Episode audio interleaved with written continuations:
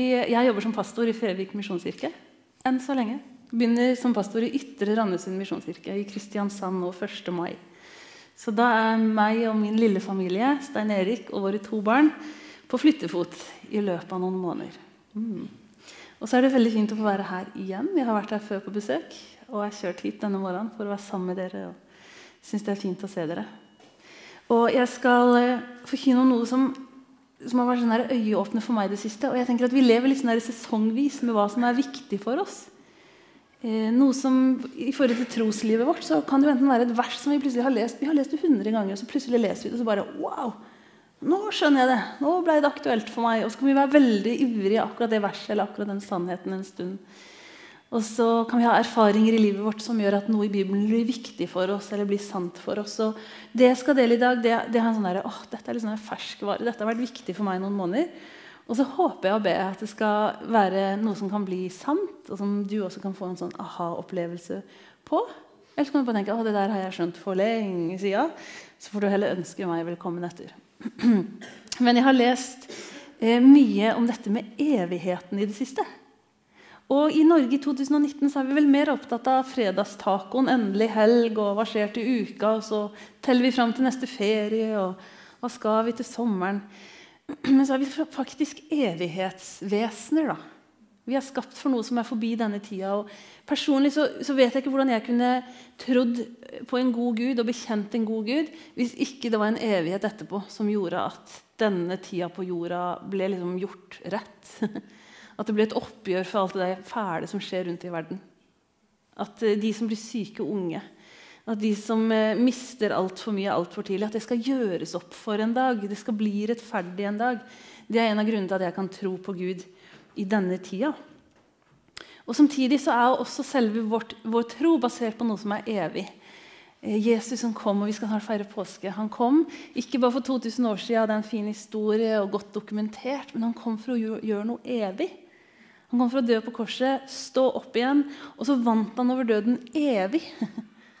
evig er der. Døden er evig Kristus underlagt. Og Det jeg skal snakke om i dag, det er liksom basert på det at du først og fremst tar inn over deg at du har muligheten til å velge et liv med Jesus som er for denne tida, men det er for evigheten. Det er liksom evigheten det handler om. Og jeg tenker at Vi er veldig like Ola Nordmann i 2019. selvfølgelig. Vi er opptatt av nå. Vi er opptatt av komfort. er Vi ikke det? Vi er opptatt av nytelse. Noe i oss kommer liksom til live igjen nå når det er vår, fordi vi elsker sola. Og alt det er rett og det er godt, og det er en del av det å være menneske. Og Likevel så står det at han har lagt evigheten ned i våre hjerter. Ja. Det vil si at Vi har noen sånne eksistensielle savn og lengsler som jeg ikke tror vi skal få møtt, fordi vi er ment for noe mer og noe større. Og så er vi også skapt for både det gode her livet, og vi, i livet, og så er vi også skapt for noe større enn det, som er i evigheten. Og eh, det jeg mener med at vi som kristne også kanskje er blitt veldig lik Ola Nordmann 2019, det er jo og jeg har talt på mange ungdomsleirer hvor jeg synes dette preger det. Vi snakker om Jesus som at han skal gjøre livet ditt komplett nå. Jesus vil være din beste venn. Kom til Gud, han er kul, da blir alt bra. Litt sånn reklameplakat for Gud, hvor vi liksom lover litt sånn instant glede og lykke og bestevenn for alltid. Det er sant. Jeg tror Jesus kommer og han har lyst til å fylle livet både til tenåringer og oss andre med noe godt nå. Og han har først og fremst ordna det sånn at du skal få fred i hjertet og håp for evigheten gjennom Jesus. Og Samtidig så har vi kanskje vært litt sånn veldig sånn reklameplakat for en Jesus som skal liksom komplementere og gjøre livet ditt rikere og bedre og helere nå. Og så har vi ikke hatt så mye fokus på at Jesus også kommer, og så sier han 'Jeg vil være din herre'. Og Jeg var på et påskespill nå i helga, The Passion, som er satt opp i Kristiansand i Q42. Fantastisk dramatisering hvor Jesus blir satt inn i vår tid. Disiplene går i skinnjakker og har dreads og er veldig liksom, unge menn anno 2019. Og Jesus gikk midt iblant de og snakka om at han var kommet for å gi sitt liv. Noe gutta ikke hadde lyst til å høre på eller tro på. Og så skjer det, og så står han opp, og så har han overvunnet døden. Innsatt inn i Kristiansand i 2019. Og igjen så slo det meg hvordan Jesus han var så ubehagelig til tider. Han var så konfronterende. Han kunne liksom vært så mye mer sånn eh, people pleaser. Og så syns jeg istedenfor at Jesus utfordrer og utfordrer og utfordrer. Annet når det kommer en ung, rik mann som har gjort alt for å glede Gud. Og så kommer han til denne rabbien Jesus og sier han, vet du hva, jeg har naila alt. Hør på meg. Se på CV-en min. Se på merittlista mi. Alltid henda i været i lovsangen. Alltid på gudstjenesten. Og så så Jesus at inni hjertet hans så var hans bankkonto veldig mye større enn hans gudsfrykt. Og så sier Jesus, ikke så veldig imponert, gå bort og selg alt du eier. Nja Teslaen? Nei. Hytta? Nei. Og så tenker jeg, Jesus, kunne du ikke bare vært happy? En gira ung mann som prøver å leve rett, og så tar du ham på den ene tingen som stjeler friheten hans. Og Sånn tenker jeg at Jesus er begge deler. Jeg syns han pirker i oss, og jeg synes han utfordrer oss istedenfor å la det gå. Og så utfordres jeg av om vi da rosemaler dette kristenlivet uten å også si noe om en Jesus som ønsker å være herre. Som ønsker å se inn i også de krokene av livet mitt hvor jeg ikke helt vet om jeg tør å slippe han inn. Og Det første verset vi skal se, er fra 1. Johannes. Eh, og Det er kanskje en sånn utfordrende vers i forhold til den tida vi lever i, og hvordan det er vi følger Jesus. På dette vet vi at vi kjenner Han, at vi holder Hans bud. Den som sier 'jeg kjenner Han', men ikke holder Hans bud, er en løgner, og sannheten er ikke i Han. Men Guds kjærlighet er i sannhet blitt fullendt i den som holder Hans ord. Slik kan vi vite at vi er i Han. Den som sier 'Jeg er i Han', må leve slik Jesus levde. Det her er svære ord, og det er noe hvert fall jeg i mitt liv må ha som en bønn og et mål og et ønske at jeg ønsker å leve sånn som Jesus levde. Og så tror jeg vi også trenger å oppmuntre hverandre til dette. Instinktivt når vi hører folk som både har liksom et vers som dette, leve sånn som Jesus lever. Eller et vers vi skal komme tilbake til i Galaterne. Jeg lever ikke lenger slik. Jeg lever lenger, ikke lenger selv, men Jesus lever i meg. Så kjenner jeg instinktivt at jeg selv og mange med meg vil si ja, men nå må vi ikke dra det der for langt. Ja, Det er fint å høre, men nå må du ikke pushe det. Og så tenker Jeg jeg har lest en del bøker om store mennesker i Guds rike som har gjort mye både for fattige, syke og utslåtte. De som har vært med å se vekkelse og leda mange mennesker til Jesus, det som kjennetegner de er at de dro det egentlig for langt. De tok det for bokstavelig. Og navna deres står i historiebøkene. Og Av og til så tenker jeg at vi må spørre oss Kanskje Jesus egentlig mener at vi skal dra det ganske langt? At vi faktisk skal tro det som det står det, og forsøke å leve sånn som han levde? Og så vil jeg si da at Når Jesus kommer og ber oss om å gi livet vårt til ham, så er det viktig at vi først kjenner oss selv. Jeg må eie min historie. Jeg må vite hvem jeg er. Jeg må vite hva det er jeg gir ham. Og Derfor tenker jeg at dette også er en modningsprosess. Og Hvis du er her i dag og egentlig bare trenger å høre at du er elska høyt, at du vil bare si ja, så er du innafor og frelst og klar for evigheten, så skal du bare få lov til å hvile i det. Og så skal du kanskje også, for deg som kjenner at du trenger det, få snuse litt på hva er det Jesus vil med mine hverdager, i min familie, på min jobb. En av disse som har dratt det for langt, heter Sina. Sina Saltbones. Og Hun har startet en hjelpeorganisasjon som heter Braveheart. Og Den driver bl.a. hjelpearbeid i Uganda og i Zambia. Og den har også vært til stede i Kurdistan, hvor de har hjulpet traumatiserte kvinner som har vært IS-slaver. Per nå er hovedvekten av deres arbeid, som hun alene av å ha sett nød, har starta. Braveheart, modig hjerte. Og Der hjelper de mange barn som har opplevd ting som barn ikke skal oppleve. Og så har De starta to barnehjem, og så driver de også traumebehandling av kvinner og barn i disse områdene. Og Sina er ei modig dame. Hun har skikkelig tatt det på ordet, det hun har lest, og så har hun gjort noe med det. Men i litt over halvannet år nå så har Sina ligget utslått av ME. Hun har brukt det aller meste av sin tid i leiligheten. Det er, det, det er ikke mye hun orker før liksom dagens krefter har tatt slutt. Og hun måtte gi over lederskapet av hjelpeorganisasjonen og den menigheten hun har vært med å starte i Kristiansand, til betrodde medarbeidere. Og hun bruker mesteparten av sin tid alene, eller sammen med sine barn. Og hun bruker utrolig mye tid i Bibelen.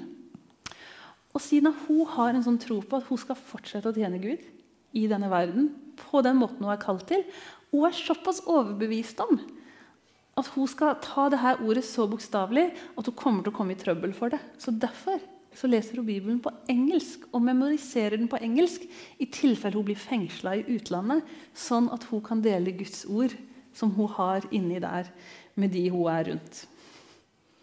Og hun lever altså det meste av sin våkne tid alene, uten så mye krefter.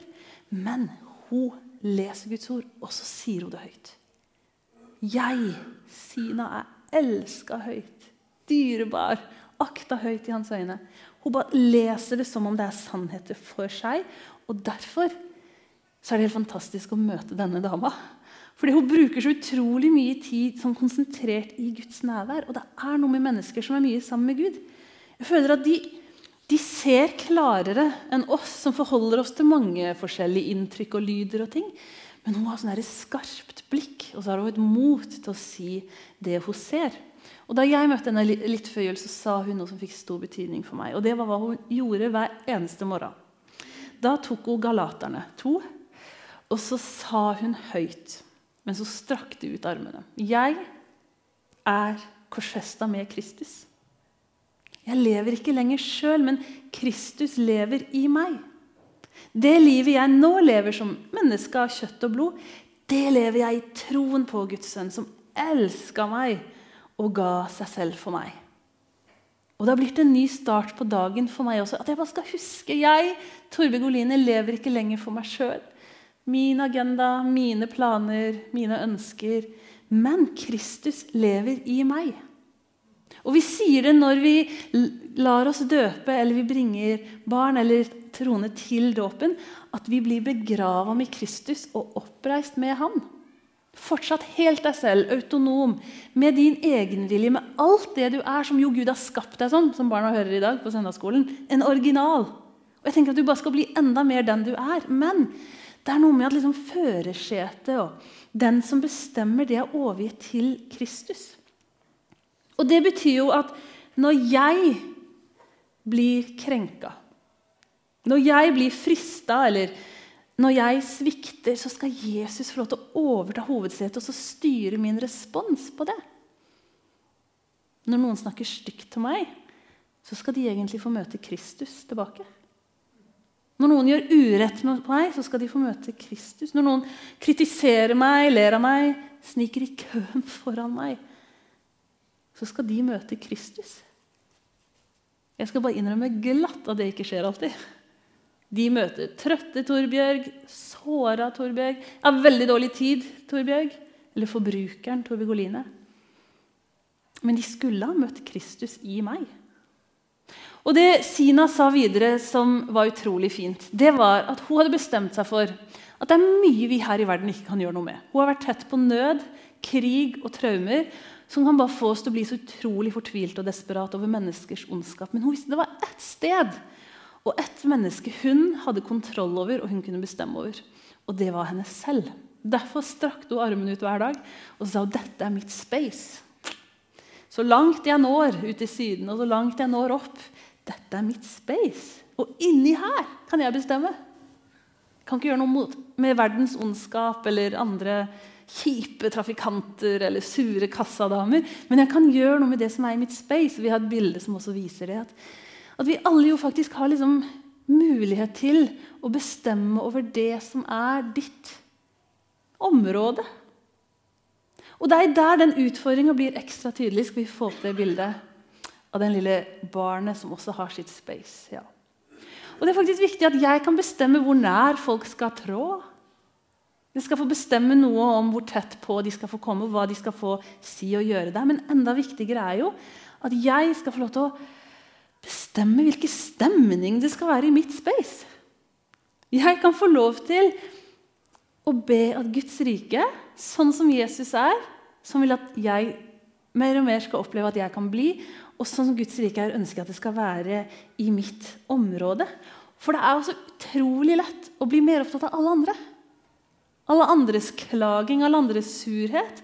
Og så påvirker det meg og mitt område istedenfor å tenke nei, vet du hva, men hos meg så skal det være takknemlighet. Hos meg skal det være nåde. Så når vi alle sitter på si foreldremøte på skolen, og så sitter alle og klager og det er så dårlig oppfølging, og det er så utrolig lite kommunikasjon. og Altfor mye uro i klassen. Og så har vi blitt et sånn klagekor. Jeg vet ikke om du kjenner deg igjen, men Vi er gode på å liksom oppildne hverandre litt til det. Da tenker jeg at jeg kan gjøre tre ting. Det første er jo det letteste. Joine hylekoret. Det er jo berettiga kritikk, og på tide at de her lærerne får vite hvor sinte vi foreldrene er. Og du er ganske irritert sjøl, kanskje. Og så er det lett å liksom bare fortsette å følge strømmen. Eller nummer to det er at du kan bare sitte helt stille og riste på hodet og tenke For en gjeng. Enten du tenker på de andre foreldrene eller lærerne. Men du kan liksom du bare tier din egen reaksjon, selv om den egentlig er ganske muggen, men ingen vet helt hvor de har deg. Eller nummer tre så kan du være en annen stemme så kan du velge takknemlighet, eller du kan velge å være løsningsorientert. Du kan velge å snu stemninga. Stå opp og kanskje forsvare noen som trenger det, og riske å bli upopulær. Jeg strever med det.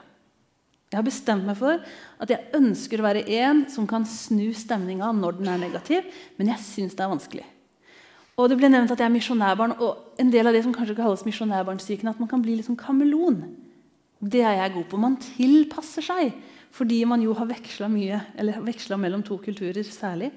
Så kan jeg veldig ofte sitte i et rom og tenke nei, nå blei det dårlig stemning her. Nå er det mye kritiske stemmer. Nå er det ubalansert, dere. Sitter jeg og rister på hodet inni meg. Hm. Nei, det her var ikke bra. Nå baktaler vi dere. Nå er vi inne på et dårlig spor. Og så blir jeg helt stille. Men enda verre jeg blir helt stille og fordømmende. Jeg kan liksom sukke og akke, og så kan jeg gå hjem til Stein Erik etterpå og fortelle Huff a meg, så ille det var i dag. og Skikkelig mye baktaling, og det var ikke god stemning. og Så har jeg heldigvis en krok mann som av og til spør meg hva gjorde du med det. Ja, hva er jeg kalt til å gjøre med det? Sitte helt stille, joine hylekoret, eller tørre å være den stemmen som er annerledes. Fordi jeg i mitt område, mitt space, har bestemt meg for at jeg først og fremst vil være takknemlig. At her er det mye nåde. Bomper du borti meg, så støter du fort på nåde. Sniker du foran meg, så er det fort gjort at du får et smil. Fordi Kristus lever i meg, og jeg tror at vi er kalt til å være utstillingsvinduer for ham. Mm. Så jeg øver meg på det. Jeg øver meg på å være den kjipe som begynner å forsvare den som baktales. Og Dessverre skjer det like mye når jeg er sammen med kristne venner som andre. Vi bare pakker det inn i litt finere papir. Vi kan f.eks. gjøre sånn Jeg tror kanskje vi må be litt for De ser jo ikke ut som de har det helt greit. Eller du kan liksom be baktale. Ja, nå, må du, nå må du se Torbjørg Oline, du ser hun strever og står i en vanskelig situasjon. Og alle andre bare hm, strever hun? Står hun i en vanskelig situasjon? Hm, spennende. Og så har vi bare pakka inn i litt finere papir at vi ikke er Kristus. Og at vi heller ikke alltid møter hverandre på en rett måte. Men det er jo så lett. Fordi i vårt samfunn så tror jeg at vi så ofte lar følelsene styre det vi gjør, det vi tenker, og så lar vi faktisk følelsene forstyrre helliggjørelsen. Ah, jeg har en veldig dårlig magefølelse på at jeg skal strekke meg veldig langt nå. Ja, jeg ser det står, men jeg føler nok ikke helt at det er rett akkurat nå. Eller jeg må ta veldig hensyn til mitt eget behov for å blåse ut følelsene mine i stedet for å vende det andre kinnet til. Ja, Det kjennes overraskende ubehagelig ut at jeg liksom skal velsigne en jeg ikke liker. Jesus, du kan ikke ha ment det så bokstavelig. Kan vi dra den så langt? Og så tror jeg vi også kan av og til heie på hverandres magefølelser istedenfor det som er rett, og det som Guds ånd sier. Følg magefølelsen. Følg magefølelsen. Gjør det som kjennes rett for deg. Og sjøl søker jo jeg sånne råd. Hva syns du jeg burde gjøre nå? Hva skal jeg gjøre? Hva tror du er rett? Hva ville du gjort? Og Det er ikke så mange måneder siden jeg sto i et sånt dilemma og i et valg. Hva skal jeg gjøre? Hva er det rett av meg å gjøre i dette? Og Så mailer jeg en, en god venninne, og så sier hun bare helt enkelt tilbake. Men Tubergoline, hva sier Den hellige ånd til deg? ja, det var deg jeg spurte, da. Og Så leda hun meg til å spørre men hva sier Jesus til deg om dette. Hvis du tør å være stille lenge nok og spørre ham, hva tror du at Jesus vil at du skal gjøre?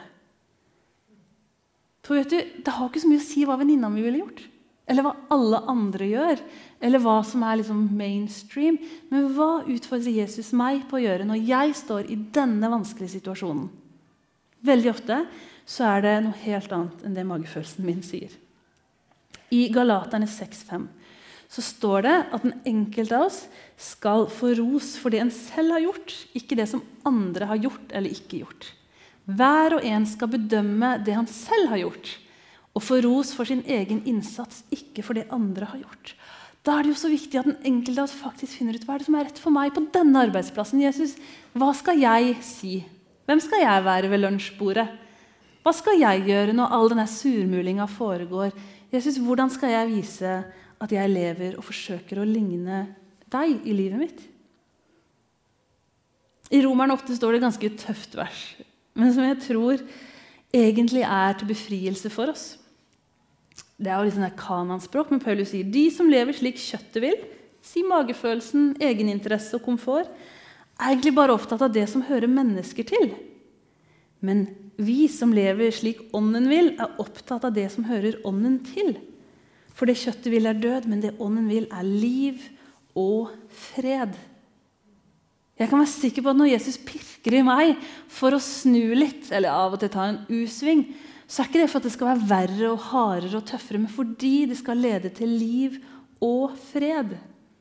Og egentlig så tror jeg at i dagens 'Se meg', bli den beste deg, du har ansvar for din egen suksess og ditt vakre hjem og dine fine barn. Så kan noen av oss kjenne at det er mye prestasjon. Og det er ikke bare ungdommen som fortjener tittelen generasjon prestasjon, men mange av oss går rundt med høye skuldre og strever for å få det her livet til å gå i hop. Alt vi skal rekke, alt vi skal klare. Så tenker jeg at det verset faktisk er en befrielse.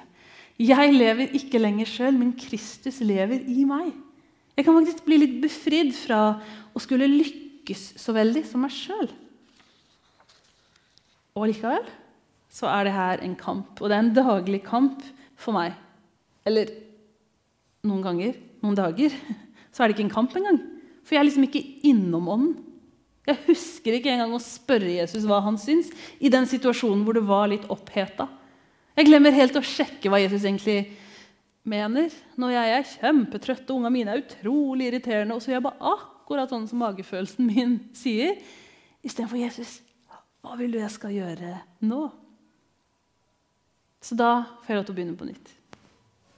Og Ikke bare neste dag hvor det er nåde ny, men jeg tror det er ny, ny nåde for hvert minutt og hver time vi går inn i. Men jeg tror at jeg må bli var på og våken for at Den hellige ånd i meg har noe å si inn i hvert område av livet mitt. Og så tror jeg at jeg må vekke min ånd i meg.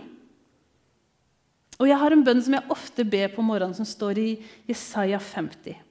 Der står det 'Herren min Gud har gitt meg en disippels tunge', så jeg med mitt ord kan styrke den trette. Hver morgen vekker han mitt øre, så jeg kan høre på disiplers vis. Fordi jeg tror at verden egentlig ikke trenger mer av Torbigoline, men jeg syns jeg ser en verden som trenger mer av mennesker som ligner på Jesus, og viser hvem han er i vår tid. Å leve et liv i ånden det er altså å la Den hellige ånd forstyrre oss, oppmuntre oss og pinpointe når vi eventuelt skal endre noe eller gjøre noe som han vil.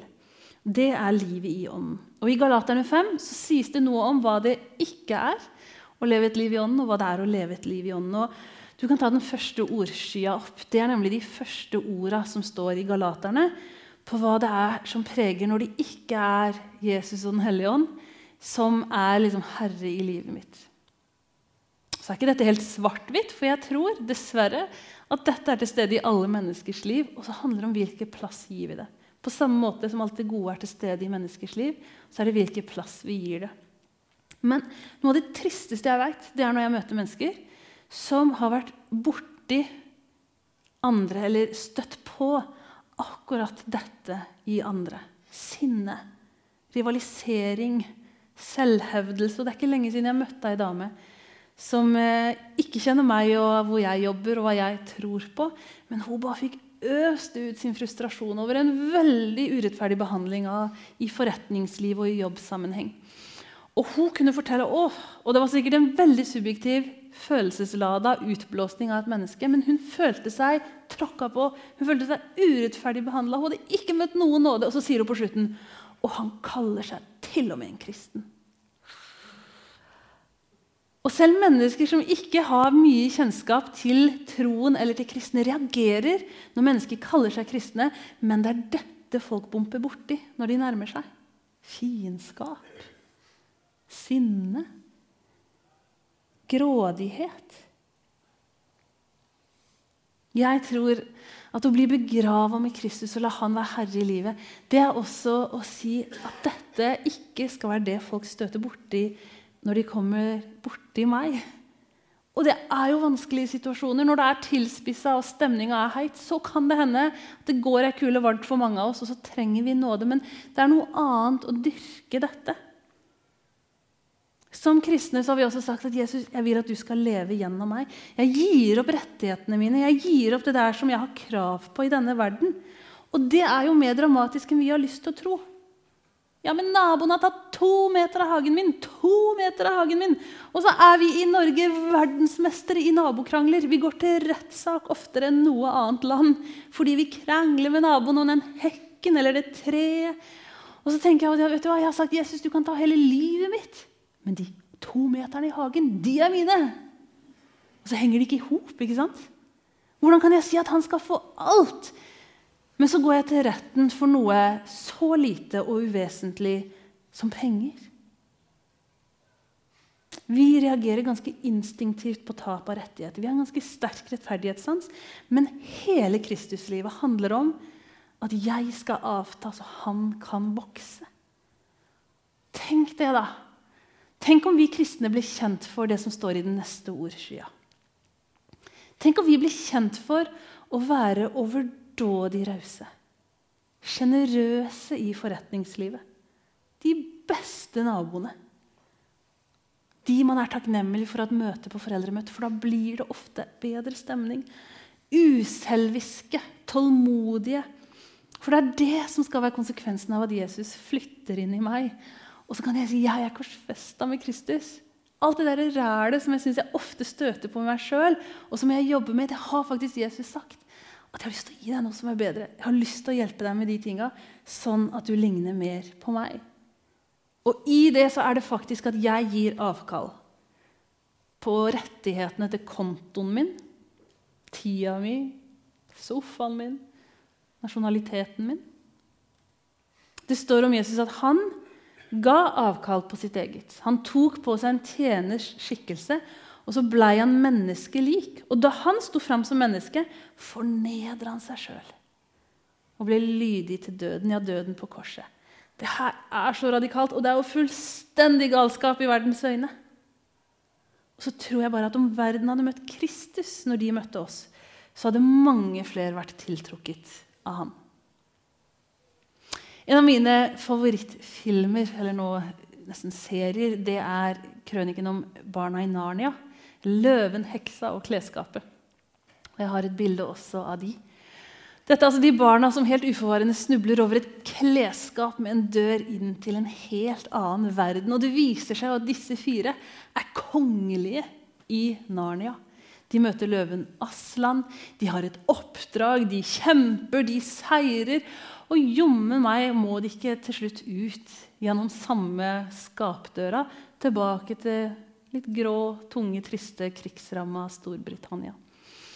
Og jeg synes, og det vet jeg også at C.S. Lewis hadde klare paralleller til Guds rike når han skrev denne historien.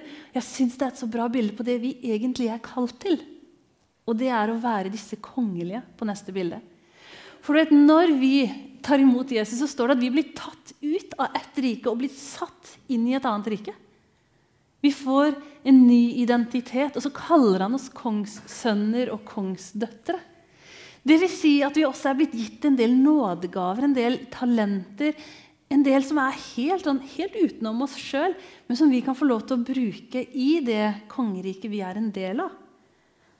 Han har krona deg, han har sagt at du er elska, han har sagt at du skal få alt du trenger til hver eneste dag. Og han har sendt oss ut for å bringe liv og fred og håp og kjærlighet. Vi skulle gå ut og vise som små mini-Kristuser hvem han er, og hvilke kongerike vi er en del av. Det står i 2. Korinteren at, at vi ikke har det synlige for øyet, men det usynlige. Og så er vi like opptatt av å få ja, ukehandelen på plass og få ungene på fotballtrening og hvor skal vi i sommer. Alt det der er også en del av livet vårt, men vi har likevel ikke bare det synlige for øyet, men det usynlige. Og så tenker jeg at kanskje Utfordringen vår er at vi gjør litt for ofte akkurat som barna i den historien.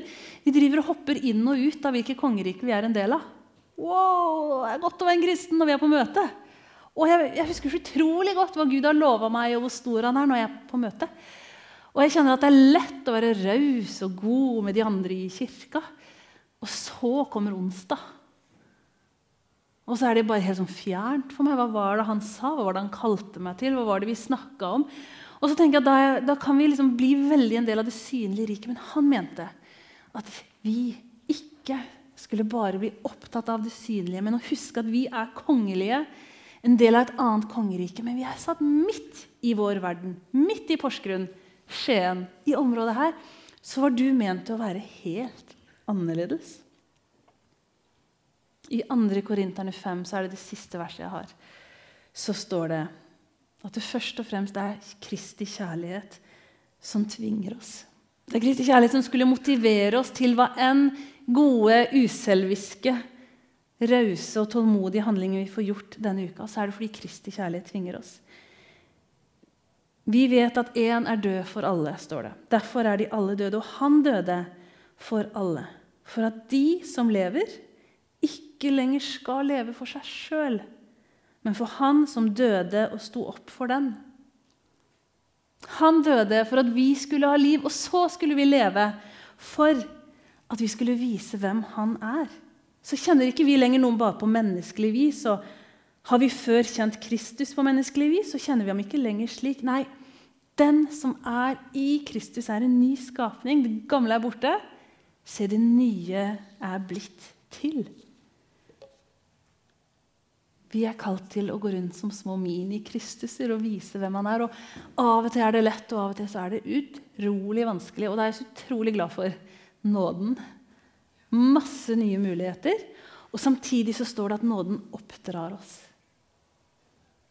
At han sier når jeg kommer hjem, og så har jeg vært muggen, og så har jeg og bare tenkt åh, så mye baktaling, altså. Så tror jeg han sier, men neste gang, du, skulle du ikke ha tatt og heva stemmen og, og sagt det som var rett?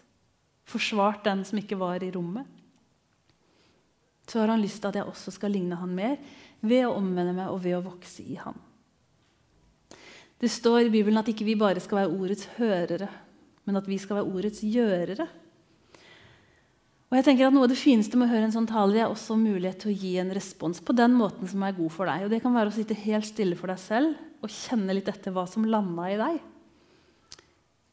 Hva sier Den hellige ånd til deg? Er det en situasjon, er det noe du står i, hvor han kanskje ønsker å få lov til å være med og prege det mer? Kanskje har du lyst til å være med og tenne et lys. De har en nydelig lysglobe på deres høyre side litt bak i rommet. Der kan du tenne et lys enten for deg selv eller for noen andre. Der er det også muligheten til å bli bedt for hvis du kjenner at du trenger en hånd på skuldra inn i din uke, hva enn som venter deg. Og så er oppmuntringa da at han som begynte sitt verk i oss, han er trofast, og han vil fullføre det. Han vil aldri be oss om noe som er umulig, men han vil gi oss akkurat det vi trenger. Til det som er vår, vårt hverdagsliv, vår familiesituasjon, vår helse, våre konflikter, våre sår, men også vår glede. Vi ber sammen til slutt. Jesus, takk for at du var villig til å dø for oss. Vi veit at det var ikke lett.